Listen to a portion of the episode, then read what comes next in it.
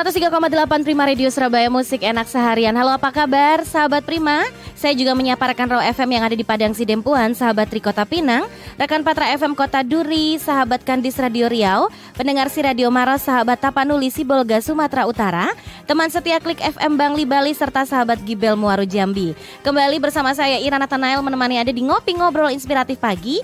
Dan hari ini saya bersama Dr. Wahyu Enda Prabawati spesialis mata dari Klinik Mata EDC. Kita mau sapa dulu. Selamat pagi, Dokter. Ya, selamat pagi, Mbak. Ya, Dokter Wahyu Enda ini apa kabar? Ya, alhamdulillah baik. Ini puasa hari pertama ya. Iya, tetap semangat ya. Iya, tetap semangat harus tetap semangat. Dan hari ini kita membahas temanya lebih paham tentang katarak dan glukoma. Betul ya? ya betul, nah, betul memang uh, kalau kita bahas tentang katarak dan glaukoma memang banyak orang uh, ini identik penyakit mata untuk mereka yang udah usia lanjut. Nah, ya, mungkin bisa betul. dijelaskan dulu ini uh, dokter, apa sih penyakit katarak dan glaukoma ini? Ya, sebelumnya saya sapa dulu. Ya. Assalamualaikum warahmatullahi wabarakatuh. Selamat pagi. Nih para pendengar radio Prima Radio. Ini saya Dokter Enda spesialis mata. Hari ini akan sharing ya tentang hmm. penyakit yang banyak sekali hmm. kita temukan untuk penyakit mata. Jadi yeah. penyakit katarak dan glaukoma ini termasuk primadonanya mata ya. Paling best seller ya. Iya.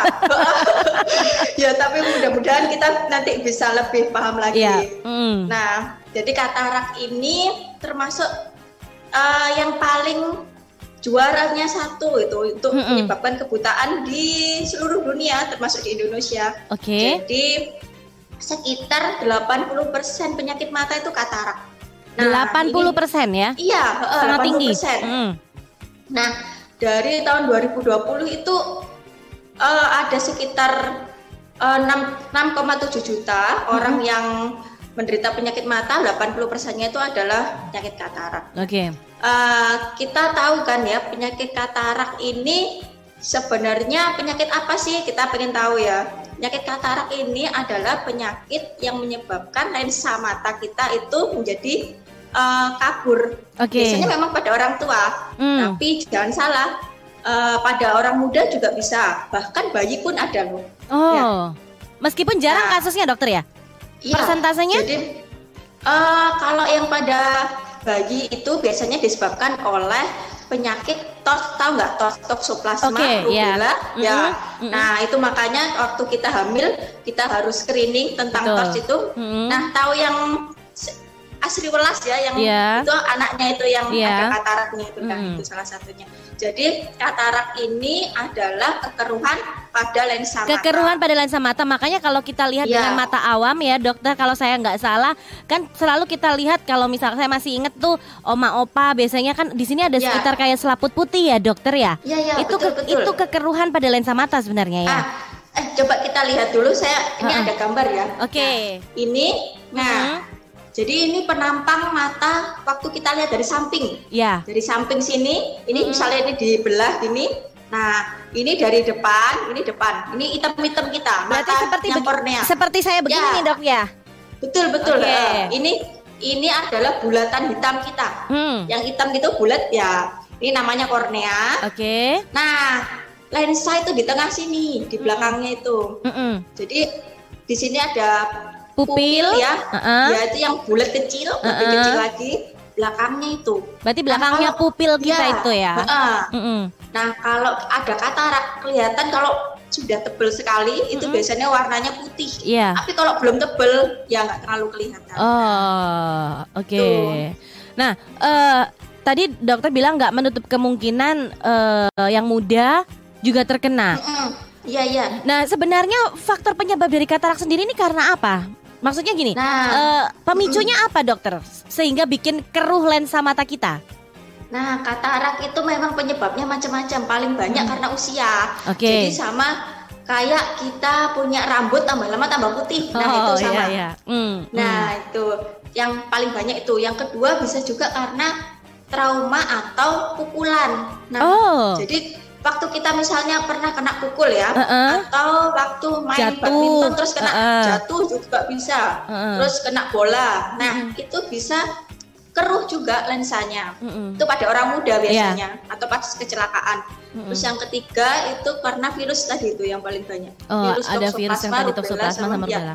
Oke. Okay. Itu biasanya pada anak-anak. Itu definisi katarak. Kalau glaukoma Apalagi nih dokter nah, bedanya? Ini glaukoma ini yang juara kedua, juara oh, kedua paling runner up-nya ya. tapi glaukoma ini nggak kelihatan dari luar.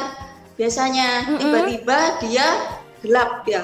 Dikira katarak. Nah, makanya saya bahas ini dua ini karena, karena sering ketukar. Sering Lalu ya. kalau misalkan dari tadi struktur uh, mata kita, kalau misalkan huh? katarak itu lensa kita yang keruh, kalau glukoma ya. menyerang yang bagian mananya, dokter? Nah, ini ini coba saya kita lihat ya. Iya. Jadi kalau glukoma itu menyerang saraf mata. Saraf mata itu ada di sini. Nah, di belakang okay. sini, paling belakang bola mata. Jadi dia ini diserang akhirnya saraf mata ini seperti antena TV. Kalau lensa mata tuh seperti layarnya ya. Mm-hmm. Jadi misalnya antenanya ini keserang, ya ini dia bisa tidak bisa menangkap gambar. Jadi berarti dia akan kabur. Berarti sama seperti katarak punya resiko kebutaan.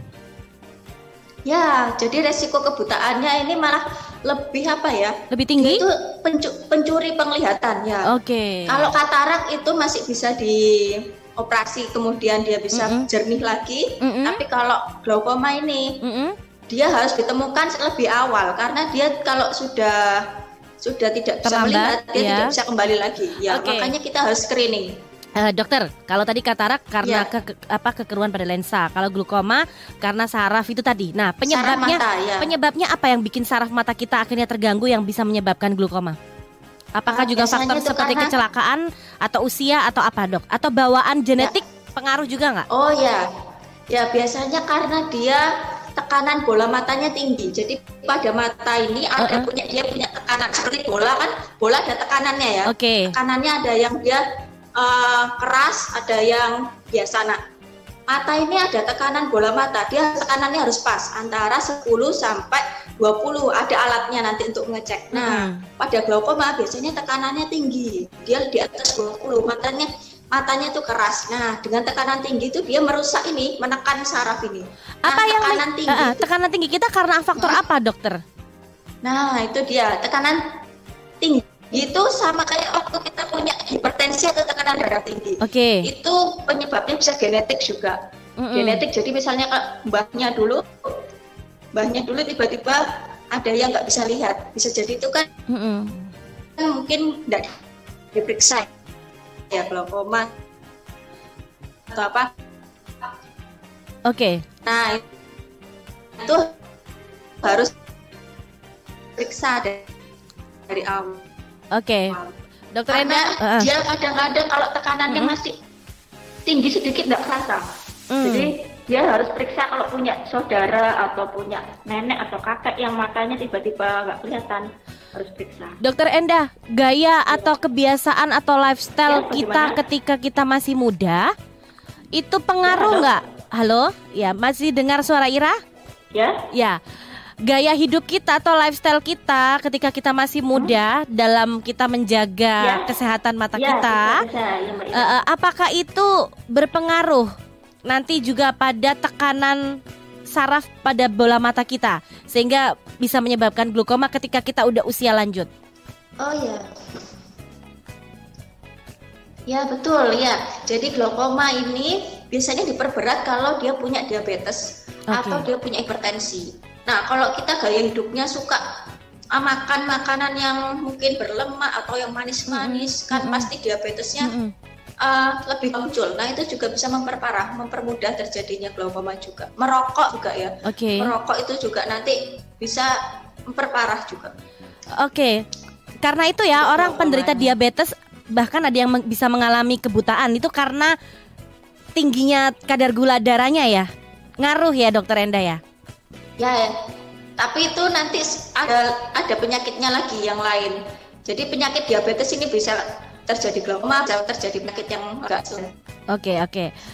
Nah, uh, antara glaukoma dan katarak persentasenya yang ya. terjadi khususnya di negara kita nih, Dokter Enda di Indonesia. Ya, ya. Berapa banyak nih kejadian penyakit antara katarak dan glukoma? Lebih perbandingannya. perbandingannya, iya.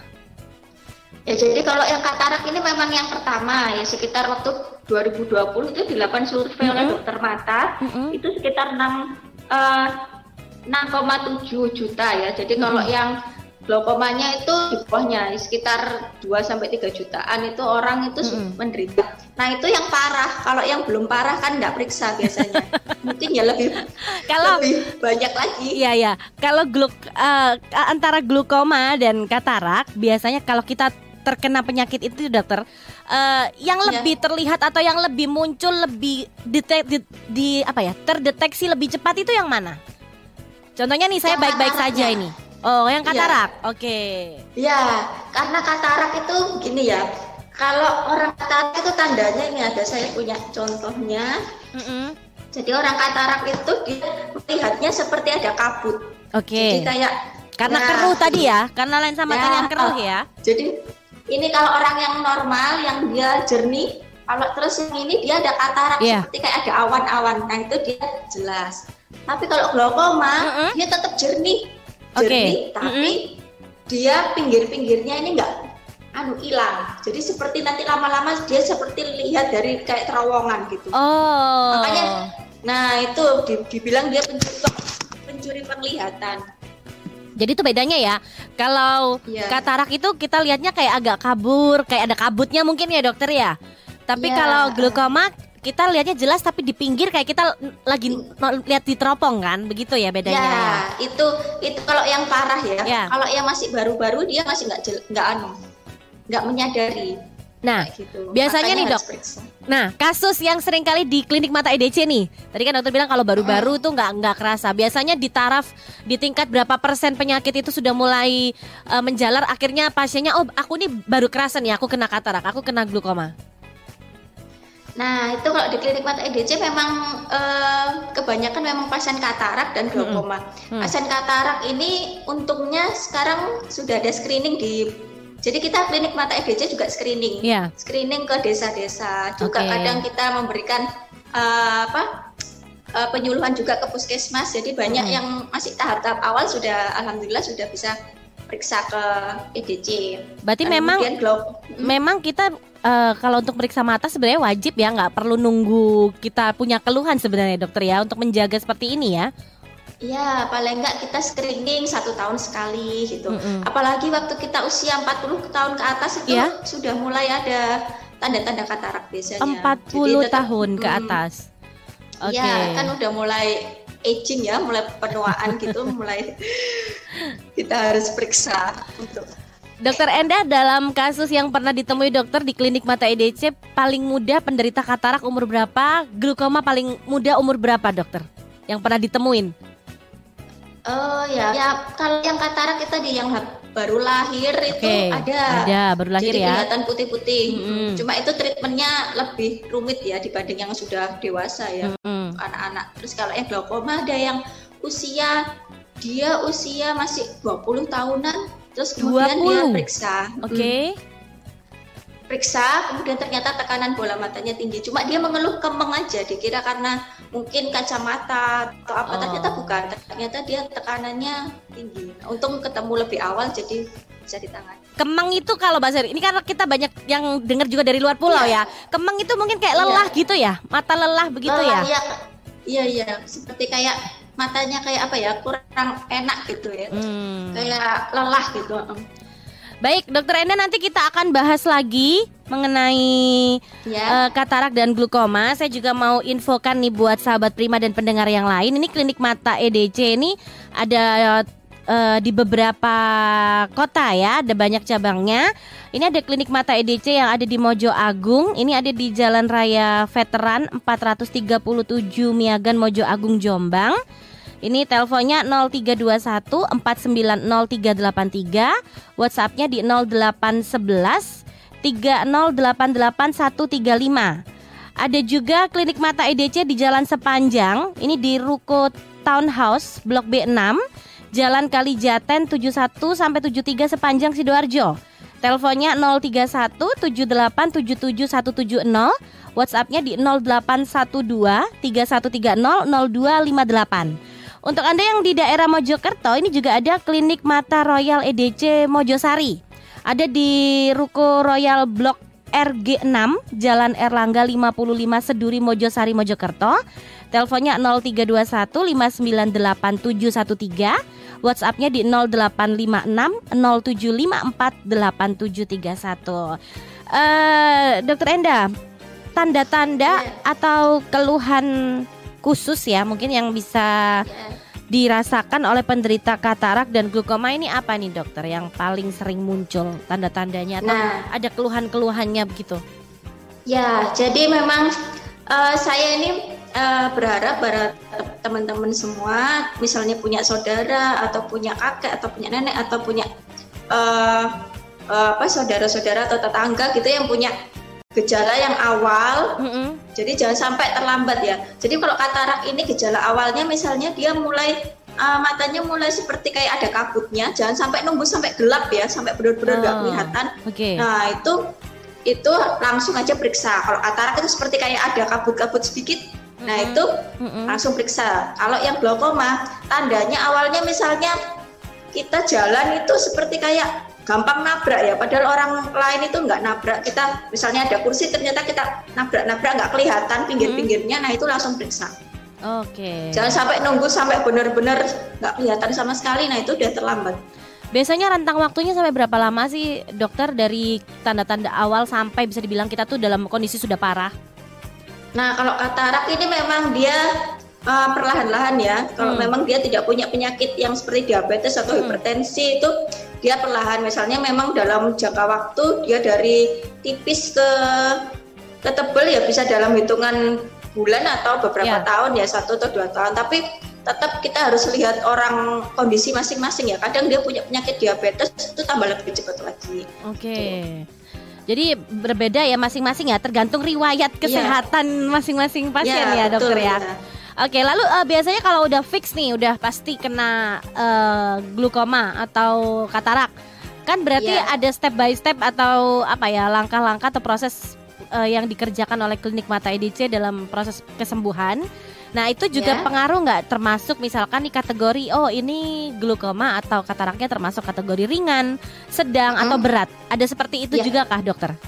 Ya memang kalau katarak ini dia uh, harapannya lebih besar ya untuk bisa lihat seperti sebelumnya sebelum mm -hmm. punya penyakit. Mm -hmm. Jadi kalau memang katarak sekarang nggak perlu nunggu sampai tebal karena kita uh, sekarang teknologinya lebih canggih. Okay. Kalau katarak ini saya saya berikan informasi sama jelaskan lagi bahwa hmm. tidak ada obat yang bisa menghilangkan katarak. Satu-satunya untuk menghilangkan katarak yaitu dengan operasi. Operasi, oke. Okay. Ya, tapi tidak perlu takut ya. Operasi sekarang ada yang namanya vekoemulsifikasi itu dia tidak perlu jahitan dan cepat sekali langsung selesai paling nggak 10 menit udah selesai kayak nggak kerasa operasi kayak gitu. Hmm. Jadi tidak perlu nunggu sampai benar-benar tebal dan parah cukup pada saat dia masih tipis pun bisa kita lakukan tindakan operasi. Dan di EDC juga sudah dikerjakan banyak sekali. Udah hmm. udah sudah ratusan bahkan ribuan pasien ya yang sudah kita lakukan tindakan itu. Jadi itu termasuk uh, tindakan operasi yang sudah sudah biasalah dikerjakan tidak perlu tidak perlu takut untuk melakukan tindakan untuk vekoemulsifikasi. Itu kalau, kalau yang uh, untuk yang uh, katarak seperti itu yang pakai operasi apa tadi dokter namanya agak susah. Veko emulsifikasi. Veko emulsifikasi. Nah itu ya, proses sampai sembuh total berapa lama setelah operasi? Veko ini dia setelah dioperasi langsung mm-hmm. bisa untuk melihat nggak apa-apa tapi kita untuk lukanya benar-benar sembuh itu sekitar dua minggu ya mm-hmm. dua minggu tidak perlu terlalu lama pokoknya selama dua minggu itu tidak terkena debu tidak yeah. tidak langsung kemasukan air itu sudah aman ya. Berarti tapi tetap bisa dibuat kegiatan tidak apa-apa. Berarti tetap ada pantangan tadi ya tidak boleh kena debu. Ya tidak boleh apalagi dokter biasanya. Tidak boleh angkat-angkat berat ya. Oke okay. jadi ada ada yang harus dikerjakan setelah operasi jadi nggak langsung ngawur gitu ya dokter ya tetap harus dijaga yeah. ya. Ada tapi tetap langsung bisa lihat oke okay. ada konsumsi obatnya juga kah dokter ya obat untuk antibiotik untuk mencegah infeksi saja oh. untuk ditetes gitu Jadi tidak terlalu ribet. Oke, kalau untuk glaukoma?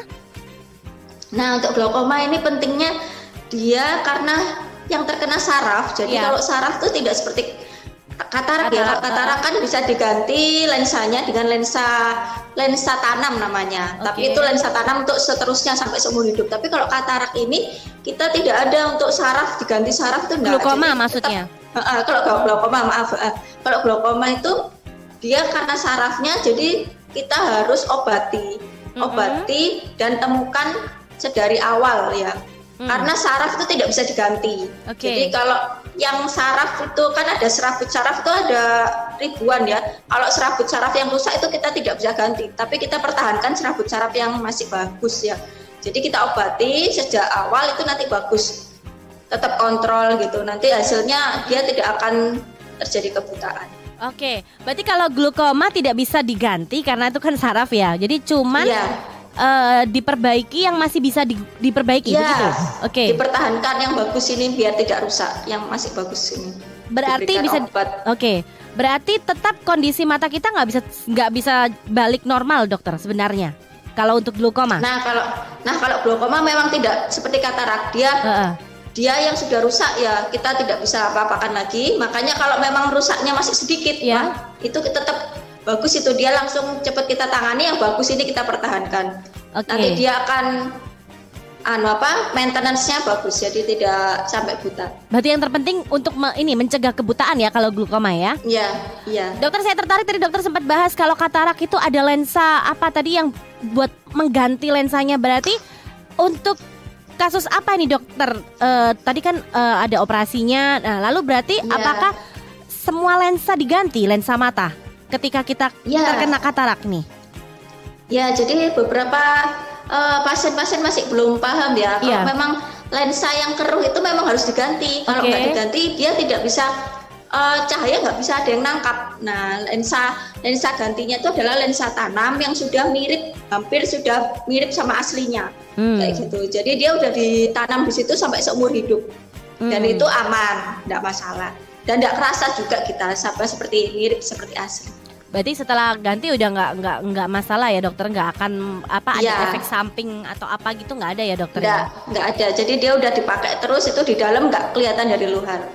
Oke, dokter ini ada uh, WhatsApp ya dari ya. Ibu Elizabeth.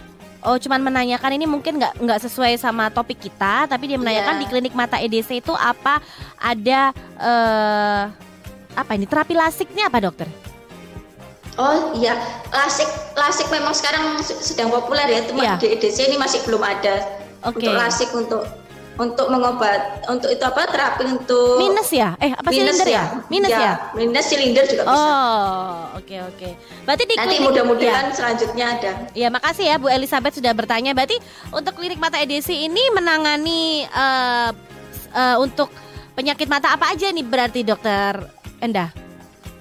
Uh, jadi di klinik mata EDC ini bisa uh, fasilitasnya ada yang tadi yang emulsifikasi itu tadi itu yang termasuk unggulannya dari EDC kemudian bisa juga argon laser. Mm-hmm. nah argon laser ini untuk penyakit diabetes retinopati. Okay. diabetes retinopati. Nah itu juga uh, jarang ada ya di klinik-klinik yang lain. Itu biasanya dirujuk ke klinik mata EDC Nah, kemudian ada untuk mengatasi glaukoma itu tadi juga bisa kita lakukan tindakan operasi apabila tidak apa dengan obat-obatan dia tidak bisa lakukan apa e, tekanan intra okulinya tidak turun. Jadi tekanan bola matanya tidak turun itu dilakukan tindakan operasi. Berarti, bisa dilakukan di EDC. Berarti kalau katarak pasti operasi ya? ya kalau ya. glukoma belum tentu operasi, begitu dokter? Belum tentu. Kalau memang dia pakai obat-obatan bisa bagus ya sudah pakai obat. Tapi kalau enggak kita bisa lakukan tindakan operasi. Kalau misalkan glukoma ini tidak sampai di tahap operasi menggunakan obat, nah apakah harus dikonsumsi selamanya atau uh, setelah itu sembuh bakal normal lagi gitu dokter? Kira-kira apa begitu ya, kasusnya? Memang kalau glukoma itu mirip seperti hipertensi ya, memang ya. kita harus itu lakukan tindakan obat-obatan oh. itu memang seterusnya. Oke. Okay. Karena harus menjaga tadi ya dok tekanan saraf mat bola mata ya? Ya tekanan bola matanya itu harus normal. Karena uh, kalau nggak normal tadi sarafnya bisa rusak. Bisa putus dokter? Ya jadi ada kerusakan bukan putus ya, oh. jadi kerusakan gitu istilahnya. Istilahnya kerusakan bukan putus ya beda ya. Karena ya, saya bayanginnya beda. bisa sampai putus gitu kan. Enggak ya, Dok ya? Karena saraf saraf mata itu kan dia kayak serabut-serabut ya, ya. banyak gitu. Mm -hmm. Jadi nggak cuma nggak cuma satu tok gitu. Jadi dia mm. ada serabut-serabut saraf. Uh, dokter, dalam tahap kasus apa glukoma yang akhirnya uh, para dokter di klinik mata EDC me memberikan kesimpulan ini harus operasi, nggak bisa dengan obat-obatan. Kasus seperti apa, nah, dokter? Itu sudah diberikan obat ya jadi ada obatnya biasanya kita kasih satu macam kalau sudah turun sudah terus hmm. kemudian kalau belum turun tekanan bola matanya kasih dua kalau hmm. sudah dengan dua tiga macam obat nggak hmm. turun nah itu kita lakukan tindakan operasi Oke, itu berapa lama untuk proses atau rentang penyembuhannya? E, berarti glukoma bisa dibilang lebih lama ya dok penanganannya daripada katarak, betul nggak? Glaukoma ya memang kita harus kontrol seterusnya. Oke. Untuk mencegah kebutaan itu. Oke, berarti ya seperti orang tadi ya hipertensi, diabetes harus ya. dijaga terus ya dokter ya? Ya dijaga terus. Kalau katarak Kalau setelah selesai ganti lensa udah selesai? Sudah, sudah selesai. Oke.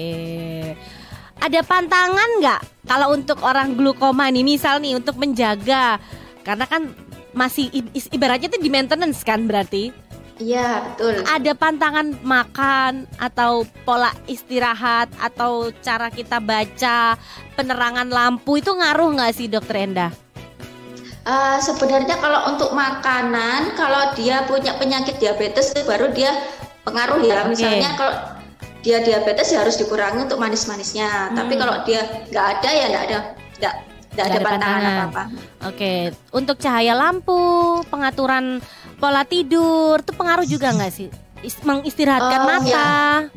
Pengaruh ya memang dokter? ada beberapa beberapa penelitian itu memang dia kalau uh, aktivitas terlalu tinggi memang meningkatkan tekanan oh, bola okay. mata. Jadi memang ya harus istirahat juga penting. Oke. Okay. gitu. Oke. Okay.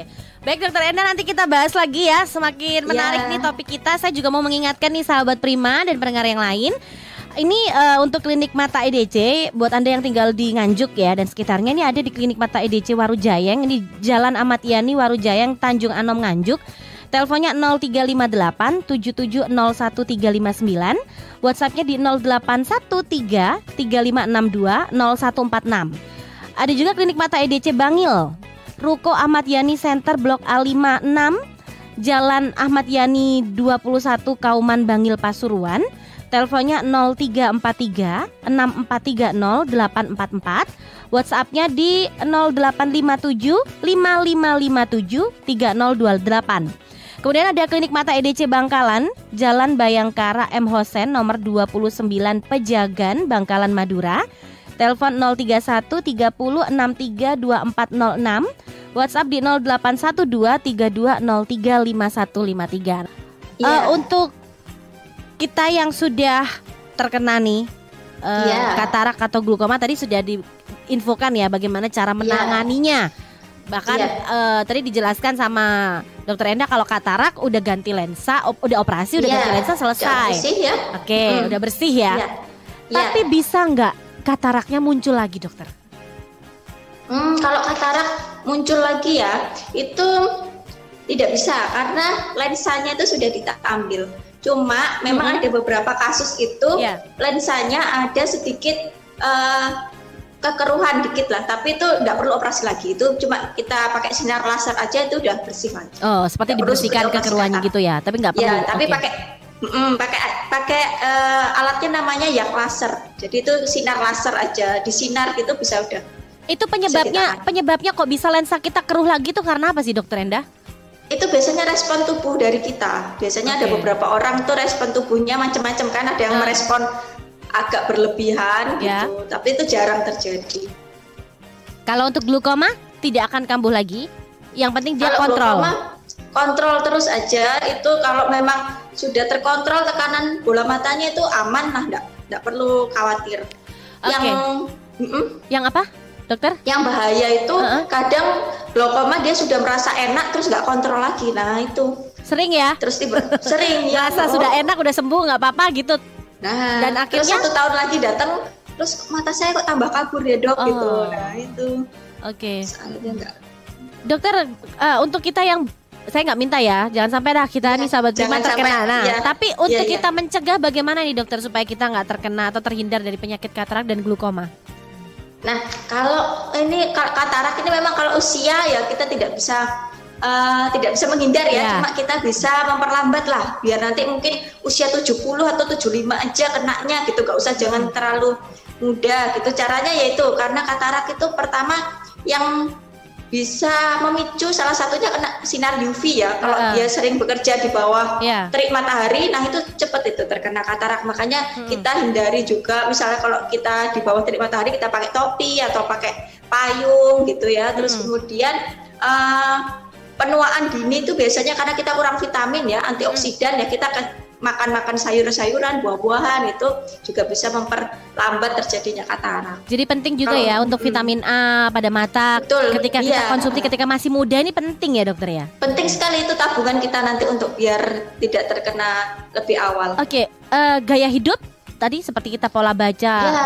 uh, main gadget sambil tiduran itu bisa ngaruh nggak sih dokter sebenarnya? Uh, kalau itu nggak terlalu okay. berdampak langsung ke katarak ya, okay. yaitu kalau merokok juga itu mempercepat. Jadi untuk orang-orang yang merokok kalau bisa ya stop ya, hmm. biar tidak cepat terkena penyakit itu katarak sama glaukoma. Oke. Okay. Uh, eh, dokter, uh, kita karena waktu kita terbatas, ini mungkin bisa iya. disimpulkan, yeah. dokter, untuk topik kita pagi hari ini dan mungkin juga ya. dijelaskan di klinik mata EDC untuk penanganan khususnya uh, katarak dan glukoma apa aja yang fasilitas yang bisa didapat oleh sahabat prima atau pasien-pasien yang menderita uh, glukoma dan katarak. Ya, jadi untuk sahabat-sahabat uh, pendengar Prima Radio, uh, untuk yang katarak dan glaukoma ini klinik mata EDC ini sudah sangat berpengalaman untuk mengatasinya. Jadi untuk yang dari awal uh, awal penyakit katarak dan glaukoma ini uh, sudah uh, fasilitasnya sudah lengkap sekali ya di klinik mata EDC. Jadi dari mulai penanganan dengan vekoemulsifikasi hmm. juga mungkin kalau memang untuk glaukoma perlu operasi sudah bisa dilakukan semua di klinik mata EDC. Hmm. Dan dengan dokter-dokter yang berpengalaman sudah melakukan tindakan ini sudah ribuan kali jadi yeah. tidak perlu khawatir. Jadi uh, oh ya bukannya setiap hari dokter. Kalau yang untuk uh, di sini? Ya jadi untuk yang klinik mata EDC Senin sampai Sabtu ya. Itu untuk semua ya, semua kota tadi sama ya, ya untuk buka. Oke. Okay. Iya. Prosedurnya juga tidak ribet kalau memang kadang ada beberapa yang hmm. harus antri dulu kalau klinik mata EDC cepat ya. Jadi kita tidak perlu memperumit untuk prosedur. Misalnya butuh operasi katarak langsung kita siapkan. Oke, dokter untuk uh, tadi uh, kalau misalkan ada pasien yang butuh operasi katarak itu bisa ditangani saat itu juga, hari itu juga atau ada beberapa yang harus dilakukan persiapan-persiapan sebelum operasi? Bisa nanti kita lakukan screening saat itu juga, misalnya dia tidak ada gula darahnya bagus, terus tekanan darah bagus, bisa langsung dilakukan tindakan operasinya. Glukoma juga begitu. sampai lama. Glukoma juga kalau sama. glukoma kan kita obati dulu. Kalau oh ya tadi ya, obati, obati dulu, dulu ya. Dilihat apakah bisa uh, menurunkan tekanan pada bola mata tadi ya, ya. pada iya. saraf bola mata ya. Iya Oke. Okay. Oke, uh, dokter bisa disimpulkan juga nih untuk tema kita pagi hari ini katarak dan glukoma. Silahkan dokter Endah. Iya, jadi sahabat-sahabat pendengar Radio Prima, katarak dan glaukoma ini adalah penyakit yang banyak kita temui dan ini sebenarnya suatu penyakit yang bisa dicegah untuk terjadi kebutaan. Makanya yeah. lebih baik kita periksa dari awal agar bisa ditangani dengan baik dan tidak terjadi komplikasi yang lebih berat. Gitu. Oke, ini juga saya mau infokan nih buat sahabat Prima dan pendengar yang lain untuk di Kota Tulungagung dan Trenggalek ya. Ini klinik mata EDC yang di Tulungagung ada di Jalan Mayor Suyadi nomor 101 Jepun Tulungagung. Teleponnya 0355 7621 632, WhatsApp di 0821 4101 0272. Untuk klinik mata EDC Trenggalek di Jalan Setiabudi nomor 28 RT 4 RW 2 Ngantru Trenggalek Teleponnya 0355 7983 840. Ini uh, ada Instagramnya juga ya Dokter Enda ya. Jadi kalau mau ada, ya. bisa juga konsultasi dulu di situ bisa ya lewat medsos ya. Bisa, hmm, boleh boleh. Ini klinik uh, mata EDC Instagramnya di klinik underscore mata underscore EDC underscore group. Ada juga websitenya www.klinikmataedc.com uh, YouTube-nya juga ada ya, EDC ada. Eye Channel. kemudian Betul. Facebooknya Klinik Mata EDC Group. Oke, okay. Ya. yeah. baik Dokter Enda terima kasih yeah. buat waktunya pagi hari ini. Ya, terima kasih untuk itu penjelasannya. Uh, kita Sama-sama. harapkan semuanya sehat ya. Salam Amin, buat ya. salam buat teman-teman dan seluruh tenaga medis yang ada di Klinik Mata ya. IDC. Selamat pagi, Dokter Enda. Pagi, ya. Baik sahabat Prima, rekan Ro FM Padang Sidempuan, sahabat Trikota Pinang, rekan Patra FM Kota Duri, sahabat Kandis Radio Riau, pendengar si Radio Maros, sahabat Tapanuli Sibolga Sumatera Utara, teman setia Klik FM Bangli Bali, serta sahabat Gibel Muaro Jambi. Demikian ngopi ngobrol inspiratif pagi untuk edisi hari edisi hari ini. Anda bisa simak ngopi setiap hari Senin sampai hari Jumat dari jam 9 pagi sampai jam 10 pagi. Tetap di 103,8 Prima Radio Surabaya, musik enak seharian.